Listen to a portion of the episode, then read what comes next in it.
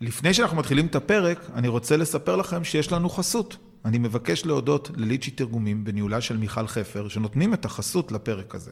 מי שלא מכיר, מדובר באחת מהחברות התרגום הוותיקות בארץ, המספקות שירותי תרגום בכל השפות, מכל שפה לכל שפה. פרטים נוספים, lichy.coil, זה www.lichi.co.il.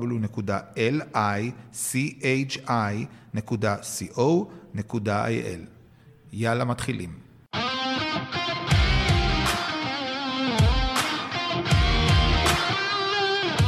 אמריקה בייבי, הפודקאסט שער הכניסה להבנת ההיסטוריה, החברה והפוליטיקה בארצות הברית, בהנחיית קובי ברדה.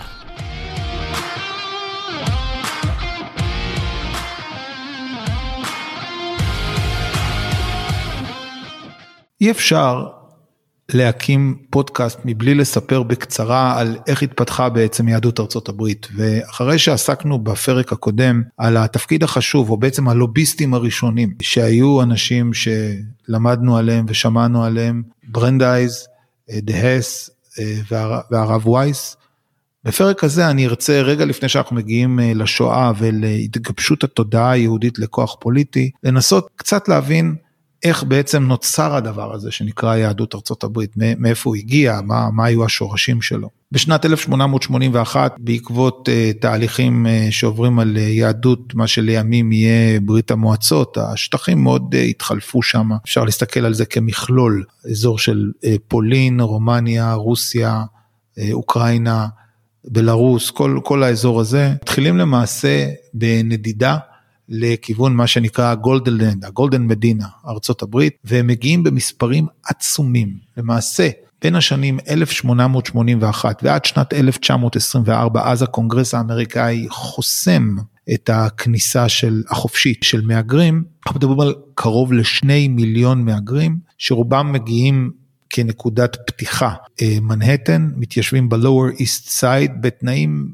קשים מאוד, באמת תנאים נוראים, ולאט לאט מתחילים להתפזר לתוך אמריקה, מקימים את אה, למשל תעשיית הקולנוע, תעשיית הבנקאות, תעשיית התקשורת, ומתחילים בעצם לייצר לעצמם סוג של תודעה של עם, סוג של תודעה של אה, מישהו שחי עם ערכים של עם יהודי במדינה שמאפשרת או מקדשת אפילו את האפשרות לפולחן דתי, יחסית ללא שום אה, פרעות, ללא שום פוגרומים.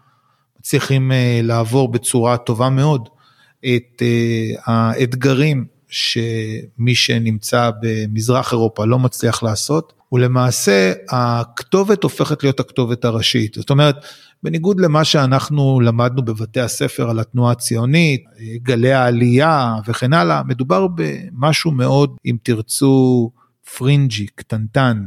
רוב יהדות מזרח אירופה מהגרת במספרים עצומים לארצות הברית. רק ממש שאריות ברמה של כמה עשרות אלפים עד שנת 1924 מהגרים לישראל בגלי העלייה שאנחנו מכירים היטב. למעשה אם תרצו בשנת 1924 כאשר הקונגרס האמריקאי מקבל את ההחלטה שלו שהוא לא מאפשר יותר את הכניסה החופשית למהגרים אז התנועה הציונית מקבלת את הבוסט הכי משמעותי כי בעצם האפשרות של להגר לפלסטינה הופכת מהגירה אידיאולוגית של אנשים שהאמינו באידיאולוגיה הזאת, להגירה של אנשים שפשוט מחפשים מקום חדש להתיישב בו ולברוח מהצהרות שלהם בבית. כך שלמעשה תנועה הציונות אם תרצה צריכים להודות לקונגרס האמריקאי על כך שבשנת 1924 חסם את הכניסה החופשית אה, לארצות הברית. ובכן, 1888 עד תחילת שנות ה-40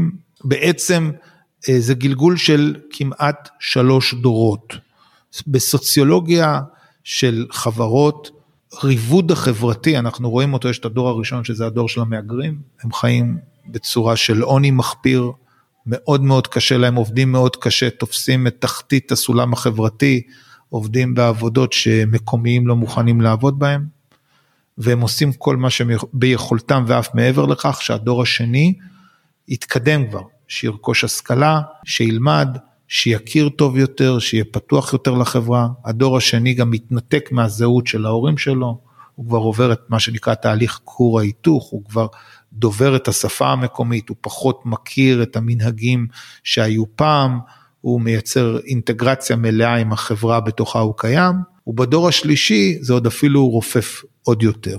כך למעשה, אם אנחנו מסתכלים רגע משנת 1881 עד אזור שנת 1941, שזו תקופה של 60 שנה, אנחנו רואים בעצם תקופה שבה יהודים או יהדות ארצות הברית משגשגת, פורחת, מקימה ענפים חדשים, משתלטת על קפיטל, על הון, מתחילה לייצר לעצמה ארגונים שלה, המנגנונים שלה, ארגונים כמו הג'וינט, ארגונים כמו בני ברית, ארגונים כמו נשות הדסה, ארגונים שהתפקיד שלהם לסייע, חלק מהם לסייע ליהודים בארצות הברית, חלק מהם לסייע באמצעות פעילות של תיקון עולם, צדקה ליהודים בכל רחבי העולם, ואנחנו רואים בעצם שהיהודים מתחילים לצבור את המקום ואת החשיבות שלהם בחברה האמריקאית. אבל עד שנות ה-40 היהדות איננה פעילה או כמעט ואיננה פעילה בזירה הפוליטית.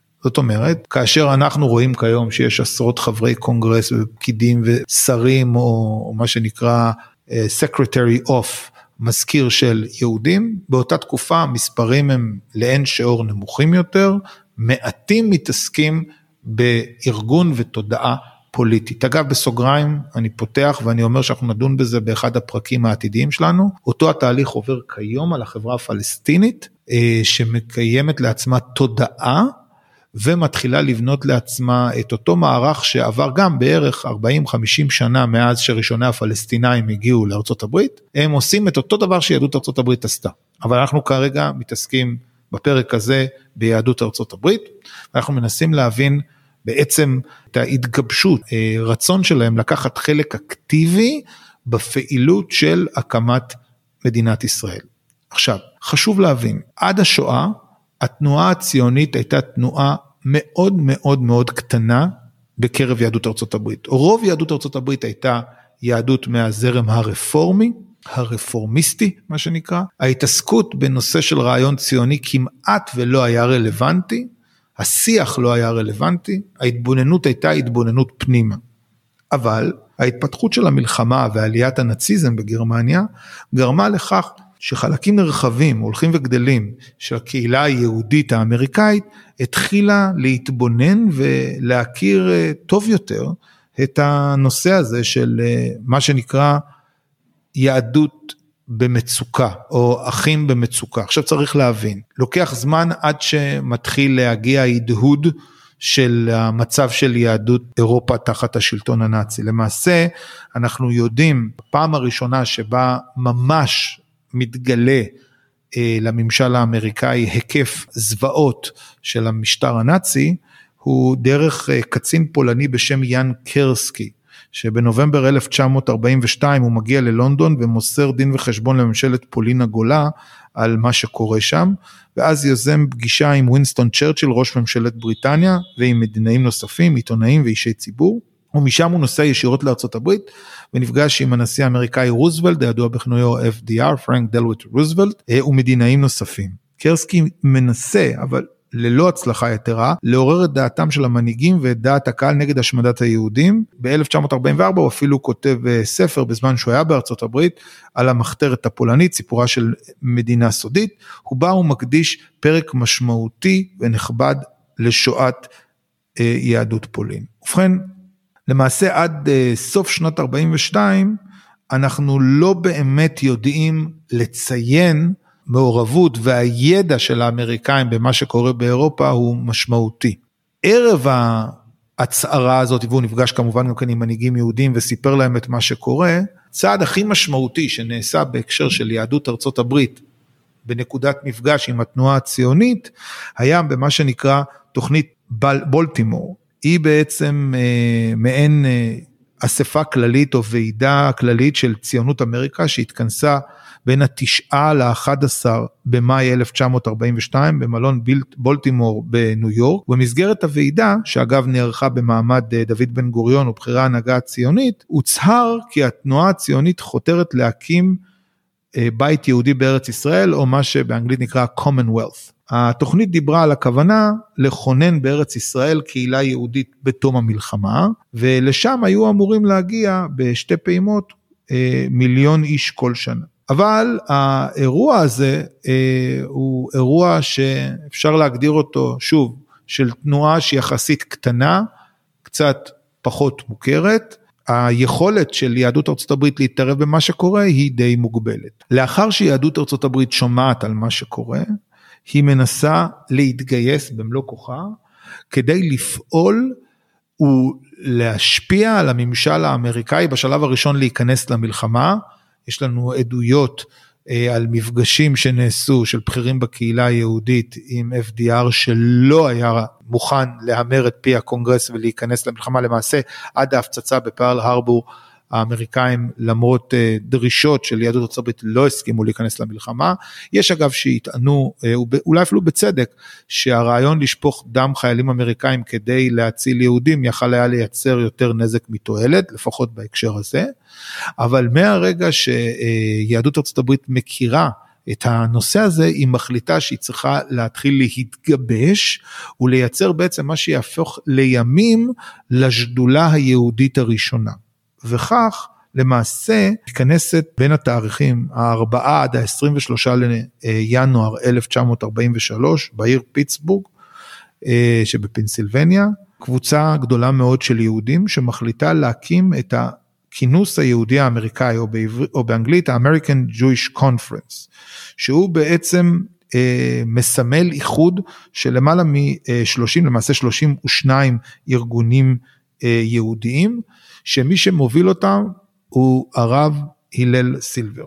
אה, הלל סילבר, הרב, הרבי הלל סילבר, אה, נושא נאום אה, שמוגדר על ידי עיתונאי שסיקר את הסיפור הזה כסילבר חשמל את מאות השליחים והוביל אותם להצבעה כמעט פה אחד על הנושא של מקסום הדרישות הציונות לבטל את הספר הלבן, שהוא כאמור ההגבלות שהשיתו הבריטים על כניסה של יהודים לארץ ישראל, לפלסטינה, בתקופת המנדט הבריטי בשנות ה-30, ולאפשר ליהודים לממש את זכותם להגר לפלסטינה. אחד החוקרים הכי משמעותיים בתחום, בחור בשם אדוארד טיבן, אומר שהתוצר החשוב ביותר שיצא מהישיבה הזאת הייתה החלטה להקים צוות פעולה שהוא קרא לה דיפלומטיה רועשת. הגיעה העת שהקהילה היהודית בשלה למהלך עצמאי של הקמת לובי יהודי. צריך להבין שלמעשה בפעם הראשונה מאמצים לרכז את הכוח ולהפוך אותו לכוח פוליטי מתרחשים בתוך אה, המנעד של הזמן הספציפי הזה. עכשיו, כדי שאני אוכל אה, להרחיב עוד מעבר לזה, אני כן הייתי רוצה לנסות קצת לעסוק במי שילווה אותנו בפרקים הקרובים, אה, הנשיא טרומן.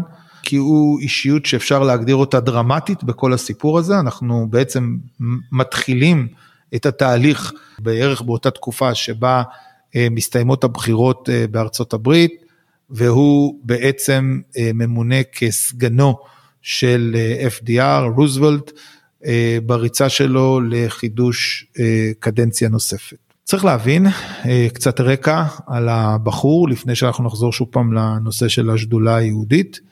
אה, אנחנו נעסוק אה, כאמור לא מעט בפרקים הבאים עליו. הוא ממונה בעצם כמי שאמור לסגור את הפער עבור רוזוולט במדינות מרכז ודרום ארצות הברית. הוא מגיע כסנטור שמייצג את מדינת מיזורי.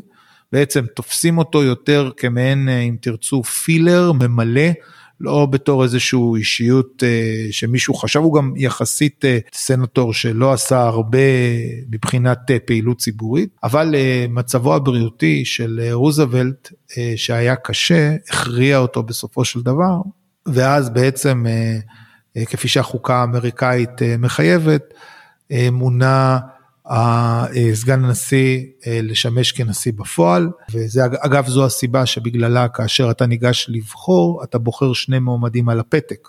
זאת אומרת, בדיוק עבור המקרה הזה, היה ונוצר סיטואציה שבה הנשיא הודח או מת, או על פי התיקון 25 לא כשיר לשמש כנשיא, אתה כבר הצבעת מראש על מי שאמור להיות הנשיא, וזה עוד אחד מהדברים המאוד מעניינים שהחוקה שלנו פרק נפרד ושלם שהתעסק על החוקה האמריקאית קבע בשעת. אז בעצם מה שקורה כאן מהרגע שמסתיימת המלחמה עם ההחלטה שלו להכניע את היפנים באמצעות הטלה של פצצות האטומיות על יפן, על ירושימה ונגסקי, אנחנו נכנסים בעצם לתקופה שהופכת להיות התקופה הכי דרמטית והכי משמעותית, שבה בעצם מנסים לדון בהסדרים של היום שאחרי מלחמת העולם השנייה. התעסקנו רבות בפרק הראשון על הנושא של כיצד יחלקו את השטח שנכבש מהעות'מאנים, בין היתר פלסטינה.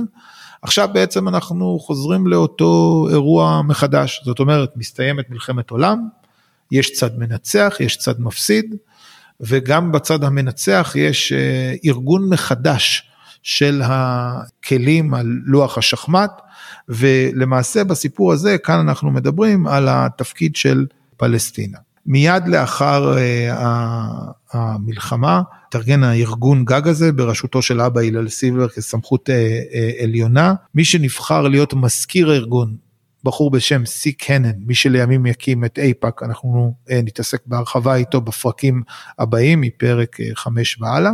ובתקופה הזאתי בעצם דופקים על כל דלת אפשרית כדי לנסות אה, לפתוח את שערי פלסטינה למהגרים יהודים, אנחנו מדברים אה, לאחר המלחמה, אה, אנחנו מכירים את הסיפורים שהבריטים לא מאפשרים אה, ליהודים להיכנס לארץ ישראל בגלל התקנות או ההוראות של אה, אה, הספר הלבן, פניות יש לנו תיקייה עבה של פניות, אה, עוד אגב מהימים שרוזוולט אה, היה חי, שב-21 לינואר 1945 מיד לאחר ההשבעה פונים הארגון פונה בעצם אליו ומבקש לסייע לאפשר לפליטים להגר לפלסטינה. הם פונים למשרד האוצר לתקצב את סוכנות הפליטים ה-War Refugee Board שהוקמה הם מכינים מכתבי סטטוס לכמות היהודים באירופה, מוצאם, איך לשלב אותם, מה הפעילות שצריך לעשות להם. בסוף חודש 1946, באוגוסט 1946, הם יוצאים כמשלחת אה, של נציגים וחברים.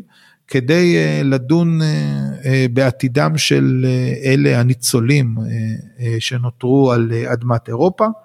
המשלחת הזאת נפגשת עם הגנרל ג'וזף מקמנרי, שהוא היה המושל הצבאי האמריקאי, הוא פעל מהעיר פרנקפורט שבגרמניה, והוא בין היתר טיפל בנושאים של הפליטים היהודים, אה, השיכון שלהם ולספק אה, מזון בעל ערך קלורי שיוכל לסייע להם לשקם את גופם לאחר אה, תלאות המלחמה. הפגישה הזאת שאנחנו מצאנו תיעוד לה ואורגנה על ידי הרב פיליפ ברנשטיין, מי שלימים יהפוך להיות uh, ליושב ראש uh, ארגון איפא"ק, אבל באותה תקופה הוא מכהן כיועץ לענייני פליטים יהודים של הגנרל, עסקה בבקשה שהצבא האמריקאי יקבל עליו פליטים גם מאזורים אחרים ברחבי אירופה, אבל הגנרל אמר כי הוא לא יכול להגדיל את כמות הפליטים המטופלים על ידי הצבא האמריקאי, ביקש uh, להעביר את הבקשה הלאה למצוא פתרון אחר. זאת אומרת, אנחנו נמצאים באיזושהי סיטואציה שבמסגרתה יש לנו בעיה קשה מאוד מצד אחד של כמות מוגבלת של פליטים אותם האמריקאים אותו גנרל מסוגל לקבל מצד אחד ומצד שני אה, איסור אה, של הספר הלבן שלא אה, מאפשר לנו בעצם לקלוט פליטים. המהלך הזה בעצם מוביל את ראשי הארגון, אוקיי, לפנות לנשיא הארי טרומן בבקשה לאמץ את הבקשה של הארגונים היהודים לקלוט 100 אה, אלף פליטים פלסטינים. בספטמבר 1945 מפרסמים מכתב בעיתונות האמריקאית שאומר התנועה הציונית באמריקה יחד עם אמריקאים בעלי רצון טוב מקבלת בשביעות רצון גדולה את פנייתו של הנשיא טרומן לראש ממשלת בריטניה האטלי להוצאה של 100 אלף היתרי מעבר לפליטים יהודיים לפלסטינה. הדרישה לאותם 100 אלף היתרים, פרי עבודה משותף של הכינוס היהודי הלונדוני, The London Jewish Conference, ומקבילו האמריקאי ה-American Jewish Conference. הרעיון הזה בעצם, או הפנייה הזאתי, מתבצעת סמוך מאוד מאוד לבחירות האמצע של 1945. אה, ומערכת הבחירות של 45 ו-46, המפלגה הדמוקרטית אה, נזקקה כמעט באופן נואש גם למצביעים יהודים, אבל גם לתרומות של היהודים. אה, גרמו לכך שהנשיא היה צריך למעשה להיענות לדרישה של תומכיו בבייס הדמוקרטי ולהוציא את המכתב האמור הזה לראש ממשלת בריטניה. אם כך ניתן לראות שהכוח הפוליטי של יהדות ארצות הברית מתחיל בעצם להראות את ההיוון שלו הראשון, התוצר הראשון שלו מהכוח שלו לטובת הקמת המדינה שבדרך, באמצעות הפעלת לחץ שנמצא קרוב מאוד למערך בחירות האמצע, לגרום להם לפעול מתוך מטרה, בשלב הראשון עוד יחסית אה, אה, מטרה צנועה, זאת אומרת אה, לשלוח איגרת או מכתב שלא דורשת למעשה שום דבר, למעט להוציא את האיגרת עצמה, אבל ככל שהזמן נתגבר והתקרב המועד של הכרזת המדינה, אנחנו נראה ביחד למעשה את האופן שבו זה מייצר את האימפקט.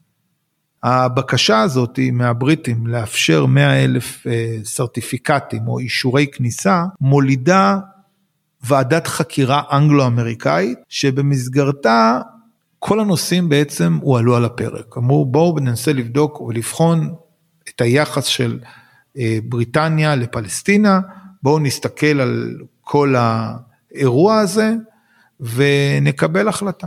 הסיפור הזה בעצם אה, קיבל תוקף בעת הקמתה של ועדת חקירה שנקראת ועדת מוריסון גריידי, זו ועדה של אה, משותפת אה, אמריקאית ובריטית, שהגישה בעצם בסופו של יום עשר מסקנות משמעותיות לאופן שבו הם רואים את דרך שבה בריטניה תטפל או תתנתק אם תרצו מהאחיזה שלה בפלסטינה. מתוך עשר מסקנות, רק מסקנה אחת הייתה מסקנה לטובתם של אה, היהודים, והיא בעצם אה, אישור של כניסתם של 100 אלף פליטים לארץ ישראל.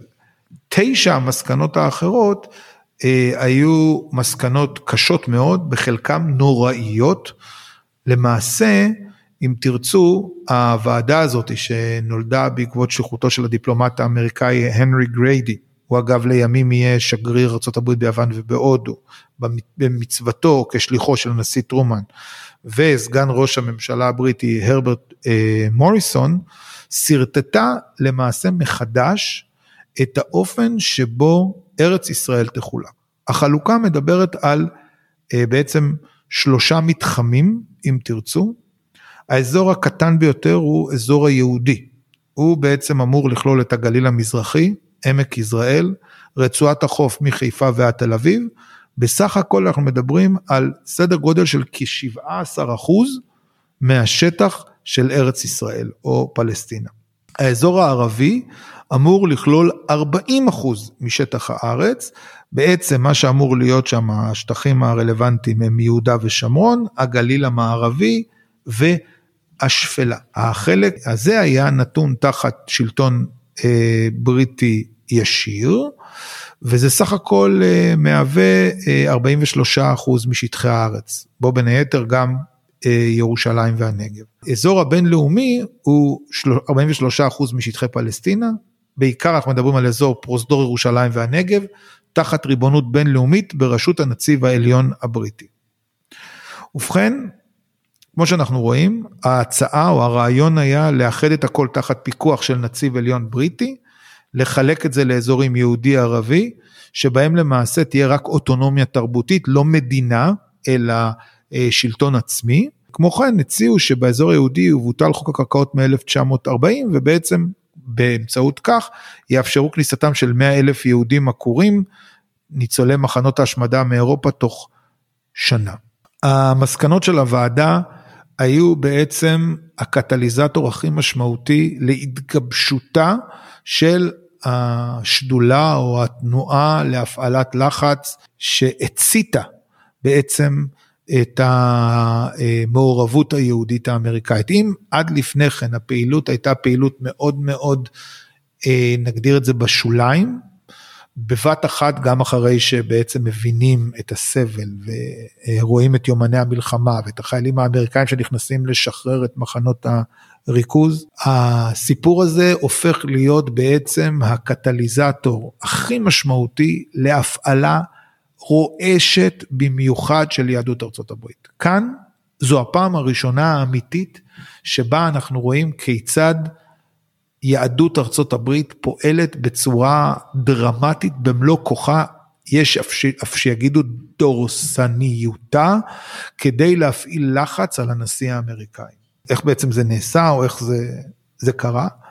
אז קודם כל אבא הלל סילבר אה, היה רפובליקני. אוקיי? אגב, מיעוט מאוד גדול אז, מיעוט מאוד גדול גם כיום, רוב המצביעים היהודים מצביעים עבור המפלגה הדמוקרטית. אבל עצם זה שהוא היה רפובליקני, זה הפך אותו משוחרר מכבלים מפלגתיים. והוא יכל היה להיות בעצם המוביל אה, של מחנה המתנגדים למסקנות הוועדה. הוא הפעיל את כל כובד משקלו, ואנחנו תכף נראה כמה, היה משמעותי אה, כדי לדחות את מסקנות הוועדה. למעשה, הפעילות עצמה כללה הפעלת לחץ על מועמדים דמוקרטיים לבחירות בסנאט בבחירות האמצע המיועדות של נובמבר 1946 תחת הכותרת שאומרת שידע כל מי שיתמוך בתוכנית מוריסון גריידי יפעל לנדידה של קולות יהודים להאשמתו של הממשל הדמוקרטי למדיניות כל כך אנטי אמריקאית. רוצה לומר שבפעם הראשונה אנחנו רואים אקדח טעון על השולחן, פעילות מאוד מאוד מאוד דרמטית, שהיא בעצם תנועת מלקחיים, מצד אחד קולות ומצד שני הכסף. עד כמה זה עושה את האפקטיביות או כמה זה השפיע? קבוצה של סנטורים דמוקרטים יחד עם אה, ג'יימס מקדונלד שהוא היה אגב אה, היסטוריון נוצרי ציוני ומי שלימים יהפוך להיות השגריר הראשון של ארה"ב בישראל, מקיימים פגישה עם הנשיא טרומן ב-17 ליולי 1946 ומותחים ביקורת חריפה מאוד על התוכנית. על פי עדויות הסיפור כלל בעצם אה, סוג של איום מפורש על, על נשיא ארצות הברית ועל המפלגה הדמוקרטית. הנשיא עצמו אמר שכינה בזעם אה, דרישות שבלתי ניתן לספק. אבל אה, עם כל הכבוד לנשיא, אה, את, ה, את האבא הלל סילבר ואת ה-American Jewish Conference, זה לא עניין, והם לא שקטו על השמרים שלהם, והם בעצם מארגנים צעדת מחאה עצומה של עשרות אלפי אנשים אה, מחוץ לקבינט, בזמן שבוושינגטון דנים על מסקנות ועדת מוריסון גריידי, אה, שנקבעה במיוחד לצורך דיון בנושא הספציפי הזה. כדי שנבין אה, מה היה בישיבה, תחשבו על הסיטואציה, אנשים יושבים בקבינט ובחוץ צרחות וצעקות ועשרות אלפי אנשים צועקים, מספר שר המסחר האמריקאי הנרי וואלאס, ביומן שלו, בזיכרונות שלו, הוא מתאר שהנשיא טרומן החזיק בידיו טלגרמות בעובי של 4 אינץ' נגד הסכם מוריסון גריידי ואמר לחברי הקבינט על השדולה הציונית, ישו הנוצרי לא הצליח לספק אותם שהוא יתהלך פה בארץ, אז איך מישהו יכול לצפות שלי יהיה יותר מזל? צריך להבין שלפני טרומן עמדו חברי מפלגה הדמוקרטית שמתכוננים לבחירות האמצע. גם הצוות שסביב, שסביב הנשיא בבית הלבן חשש מאוד מהבחירות הקרובות במיוחד במדינת, אה, במדינות של ניו יורק, מרילנד, פנסילבניה, אילינוי ואוהיו, ושעתידים היו לאחר מספר חודשים אה, להפוך אה, כאיזשהו סוג של מה שנקרא באמריקאית פליפ, להתהפך מדמוקרטי לרפובליקני. למרות שהנשיא טרומן ניסה כל הזמן לדבר להיגיון של אה, ראשי השדולה הציונית ואמר להם שלא צריך בפלסטינה לבסס מדינה מבוססת דת. זה לא נכון, זה רק יפגע בכם. הנושא הזה הפך להיות אה, ממש סוג של אבן ריחיים עליו, על חבריו במפלגה, על מנהלי הקמפיין, והחשש מכך שבעצם בחירות האמצע, הם אה, יאבדו אותם.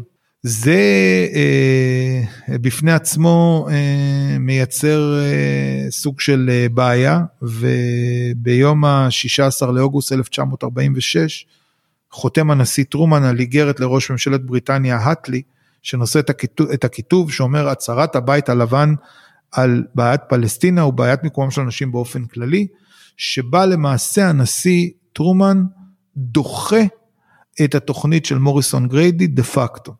צריך להבין שלמעשה אנחנו רואים פה בפעם הראשונה מעורבות של יהדות ארצות הברית בהשפעה על מדיניות החוץ כתנועה עממית. זאת אומרת, בפרק הראשון ראינו כיצד שתדלנות אישית אה, של בכירים לוחשים באוזנם של מי שצריך ללחוש כדי שבסופו של דבר ארה"ב תעביר את, את ההחלטה לתמיכה בהצהרת בלפור. פה אנחנו רואים בפעם הראשונה בתולדות יהדות ארצות הברית מה שנקרא grassroots movement או תנועה עממית, כיצד תנועה עממית מצליחה לשנות, להפוך, אה, לייצר מהלך שונה ממה שנשיא ארצות הברית כיוון. זה מבחינת אה, ציר הזמן נקודה סופר משמעותית ודרמטית, כי אם בנקודה הזו היו נכשלים, לא בטוח שהמשך הגברת הלחץ, כפי שנראה בפרק הזה או בפרק הבא,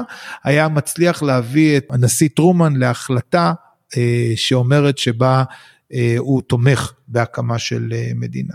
אם כך, ב-20 לספטמבר 1946, כחודש לאחר מכן, נפגשים אה, סטפן וייס, הרב סטפן וייס והרבט לימן עם הנשיא טרומן. במהלך הפגישה הם אומרים לו, אנחנו מהצד שלך, אנחנו מפלגה דמוקרטית, אבל אנחנו חוששים שהציבור היהודי בחודש נובמבר יצביע נגדך, בגלל המחדלים של הממשל בעניין אישורי הכניסה ל-100 אלף פליטים יהודים. אתה צריך להבין, אדוני הנשיא, אנחנו איתך, אנחנו רוצים שתנצח, אנחנו אנשי המפלגה הדמוקרטית, אנחנו לא יכולים לעצור את האנשים שלנו. זאת אומרת, האנשים שלנו יביאו לכך שהמפלגה שלנו תפסיד בבחירות. אנחנו חייבים לעצור את התהליך הזה, ואנחנו חייבים לייצר איזשהו משהו שבסופו של דבר יהיה כזה שימחק או יקרא לגזרים את המסקנות של הוועדה כפי שהוצע. וכך, ב-4 לנובמבר 1946, משתכנע הנשיא טרומן לצודד סופית בקו של השדולה הציונית, הוא מצליח או מפרסם את ברכתו לקהילה היהודית ערב יום הכיפורים במה שלימים יהיה איגרת יום הכיפורים. ומה הוא רושם שם? הוא מפרט את צעדיו של הממשל בסוגיה של העתם של 100 אלף פליטים לפלסטינה למורת רוחם של הבריטים.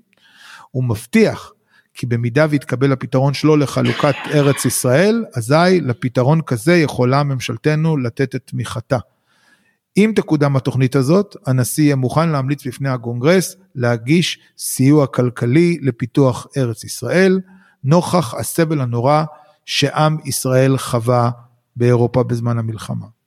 במקביל, גרת הזאתי, הוא שולח אה, מסר סודי לראש ממשלת בריטניה, ואומר שממשלת בריטניה לא מילאה אחרי התחייבותיה לפי כתב המנדט, היא גורמת צער וסבל לעקורים היהודים באירופה, לשון המברק, אנו מודעים לעובדה שבריטניה הגדולה אחראית לממשל בארץ ישראל, כתב הנשיא, ולפי תנאי המנדט שקיבל, שקיבלה ממשלתכם לאחר מלחמת העולם הראשונה, ומאמינים שאחת ממטרותיו העיקרית של המנדט הייתה לסייע לפיתוח של הבית הלאומי היהודי. מטרה זו זכתה לאהדה בינלאומית וממשלת ארה"ב עקבה אחריה כל הזמן מתוך עניין עמוק. לפי דעתנו, פיתוחו של הבית הלאומי היהודי יהיה חסר משמעות בהיעדר עלייה והתיישבות יהודית. בהתאם לנאמר במנדט עצמו. נוסף על כך, שיקולים הומניים דורשים עלייה ניכרת ומיידית לארץ ישראל, העניין דחוף, אינו סובל דחייה, ועד שיסתיימו הדיונים בשאלת ארץ ישראל. זאת אומרת, כפי שאנחנו רואים, יכולת של יהדות ארצות הברית הודגמה בפעם הראשונה כיצד לשנות את המסלול. בפעם הראשונה זה כדי להכריח את הנשיא להיכנס אירוע של חשיבה מחדש יחד עם הבריטים, ובפעם השנייה אף הגדיל את הפעם הראשונה, בכך שגרם לכך שהנשיא דחה את המסקנות של הוועדה אותה הוא הקים. חסר תקדים, דבר שמעולם לא היה לפני כן בהיסטוריה של יהדות ארצות הברית, וזהו בעצם הסיום של הפרק השני שלנו, הנקודה שבה אנחנו מבינים כיצד הצלחנו לייצר כוח תודעה ווקטור פוליטי משמעותי כדלת כניסה לקראת כ"ט בנובמבר ולאחר מכן הקבלה על החלטת הכרזה, ההכרה בהכרזת מדינת ישראל על ידי בן גוריון. ניפגש בפרקים הבאים. תודה רבה שהאזנתם לפרק הזה. אתם יכולים למצוא אותנו בכל האפליקציות של הפודקאסטים, דוגמת ספוטיפיי, אפל, גוגל פודקאסט ועוד. ושוב, המון תודה לליצ'י תרגומים בהנהלת מיכל חפר, בית לשירותי תרגום בכל השפות על חסותם לפרק זה, שניתן למצוא באתר lichy.coil, זה www.lichi.co.il.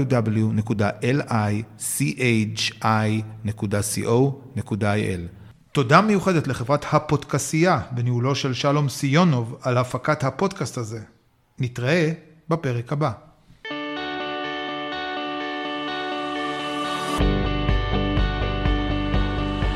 קובי ברדה הוא דוקטורנט להיסטוריה פוליטית אמריקאית באוניברסיטת חיפה. מלגאי בקתדרת חייקין לגאו-אסטרטגיה והחממה הדתית באוניברסיטת חיפה. ומחבר הספרים המפתח להבנת טראמפ ו-Grassroots Path to Congress. מחקריו מתמקדים בשדולות למען יחסי ישראל-ארצות הברית ובפוליטיקה אמריקאית.